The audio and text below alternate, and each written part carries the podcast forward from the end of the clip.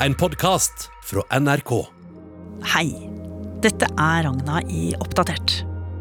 Nå skjer det så mye fra dag til dag i koronapandemien at vi har bestemt oss for å lage egne og litt kortere episoder som du kan høre på for å få med deg det lille du trenger å vite for å holde deg oppdatert. Og dette er en slik spesialepisode. Og den er spilt inn i dag, tirsdag 17. mars. Hei, mitt navn er Katrine Nybø, og i dag skal vi prøve å få svaret på noe som kanskje mange lurer på, nemlig hvor lenge kan koronaviruset overleve på overflatene rundt oss?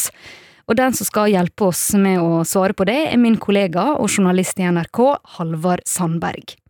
Halvard, la oss si at jeg har vært på butikken, jeg har brukt engangshansker, og jeg har vært og handla, og jeg kommer hjem igjen med en liter melk som jeg setter på kjøkkenbenken.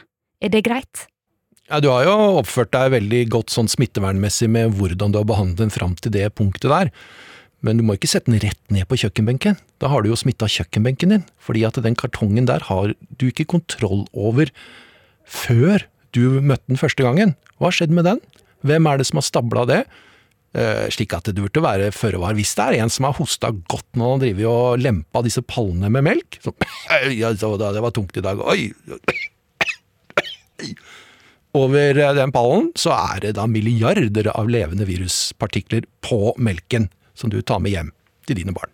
Men varierer det hvor lenge viruset overlever, alt dette som hva type overflate det gjelder? Ja, det gjør det. For det er noe spesielt med dette med virus i seg selv, at det, det liker veldig godt overflater som ligner en selv. Og virus er jo det er, ikke, det, er ikke, det er ikke, helt levende, men det er ikke helt dødt heller. Men det er iallfall organisk materiale, så det elsker eksempel hud, og det liker veldig godt hår og klær og treverk.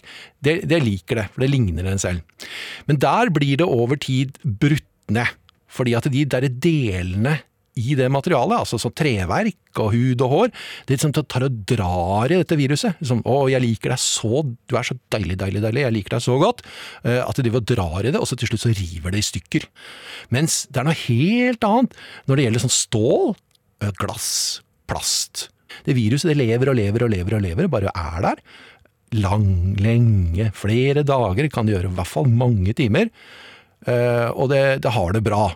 Og så kommer vi, da, med våre hender som er magneter for virus. Altså det er rett og slett magneter, for viruset elsker huden din. Eh, og så kommer du borti en flate hvor viruset absolutt ikke har lyst til å være, nemlig bordplata ved siden av deg hvor kollegaen din har sittet og hosta harka. Og så suger du det til deg med hendene dine. Altså, hendene dine er dekt med virus. Veldig raskt. Ok, Så det er jo da overflate og fysiske ting. Men eh, mange av oss er jo avhengig av å ta kollektivtransport. Eh, Tenk at jeg går på bussen, eh, passer på at jeg ikke tar på noe, jeg holder ikke meg i disse stolpene eller noe som helst. Men personen som var på bussen før jeg kom inn, hosta skikkelig.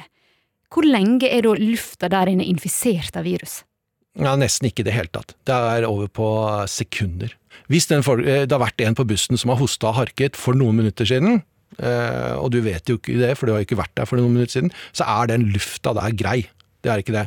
Greia er at de blir påvirket av gravitasjon, det som da drar deg ned mot bakken. At du sitter godt på en stol og står på bakken nå, er akkurat det samme som skjer med de dråpene. At de blir dratt ned, de blir sugd ned mot bakken og setter seg fast på, på, bakken. Så de holder seg ikke lenge i luften. Ok, Så dersom viruset lever i mange dager på glatte overflater og dørhåndtak, hva gjør du da som når du skal inn på jobb her på Marienlyst? Åpner du dørene ved å ta, ta tak i dem med hånda di? Ja, men jeg tar det via jakka mi. Jeg ja. du, du, drar ned jakka? Ja, jeg drar ned jakka, ja. og så får jeg tak i dørhåndtaket. Og så tar jeg det, og så jeg, sier jeg nok en gang at de må slutte å ha PIN-kode for å komme inn i bygget.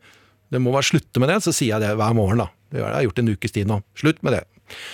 Det er fast rutine. Og så spriter jeg hendene mine ved inngang og ved utgang. Og så når jeg kommer opp i redaksjonslokalet, så vasker jeg hendene mine. Og så vasker jeg arbeidsstasjonen min. Så vasker jeg alt utstyret mitt. Jeg holder kontroll over uh, koppen min med kaffe, for jeg må ha kaffe. Men jeg spriter koppen til og med utsiden av koppen. Det lukter jo helt forferdelig først. Men, uh, for du er avhengig av kaffe på jobb, så når du kommer opp etter dette her sprite- og vaskeritualet ditt, så går du og henter koppen din, som er rein. Og så setter du den i felles kaffemaskiner, og trykker du da på knappen, for den er jo vel av plast, et, materiale viruset liker? Ja, jeg bruker knoken Men eh, kona mi som eh, vet hva som har foregått i Kina, sier at du må jo bare bruke en penn. Så har du alltid den. Det er min penn. Ingen andre tar på den pennen. Den kan jeg ta på hver eneste gang uten at den er infisert.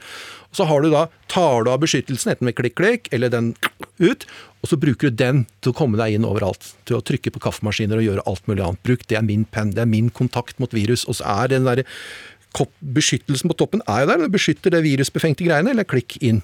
Men har du tips og triks til hvordan jeg kan gjøre sånne dagligdagse gjøremål eh, trygt, som å eksempel handle og ta med varene hjem igjen, uten å drage med seg virus som ligger på overflatene? Ja, tenk hele tiden. Ikke slutt å tenke. Ikke gjør ting på rutine. Det var en veldig god uh, psykolog som snakka i NRK Dagsrevyen denne uka her, og han sa det at 80% av det vi gjør er ren rutine. Jeg må si at det rent Eh, personlig hjemme så har jeg ikke endret noe på sånne der vaskevaner av overflater. Der er det en eh, god vask av alt sånt kjøkkenting og badting en gang om dagen. Eh, du, du, kan ikke gjøre det hvert tiende minutt. Du, du, har ikke mulighet til det. Så det, du er avhengig av at du selv ikke Hvis tenk deg selv som syk, og ikke spre det videre, og tørke av flatene du da bruker. Det er egentlig det beste rådet jeg har fått. Nå må du slutte å tenke på at de, alle de andre er smittefarlige for deg. Du må tenke at du er farlig for dem. Oppfør deg som om du nå er smittefarlig. Da går det ganske bra. For da er du forsiktig, da. Hvis du, du vil ikke ha det på deg at det, ja, det er du som smitta fru Andersen i tredje etasje. Det var du som gjorde det. Nei, jeg vil ikke det, jeg vil ikke det. Jeg vil ikke ha det på meg. Så da oppfører du deg sånn mot fru Andersen som om du har denne covid-19-sykdommen. Har du noe du lurer på om korona som vi kan ta opp i disse episodene? Send innspill på oppdatert krøllalfa nrk.no. Også du. Ting forandrer seg veldig fort nå, så sjekk jevnlig de siste oppdateringene fra Helsedirektoratet og Folkehelseinstituttet og så høres vi snart igjen. Du har hørt en podkast fra NRK. Hør flere podkaster og din favorittkanal i appen NRK Radio.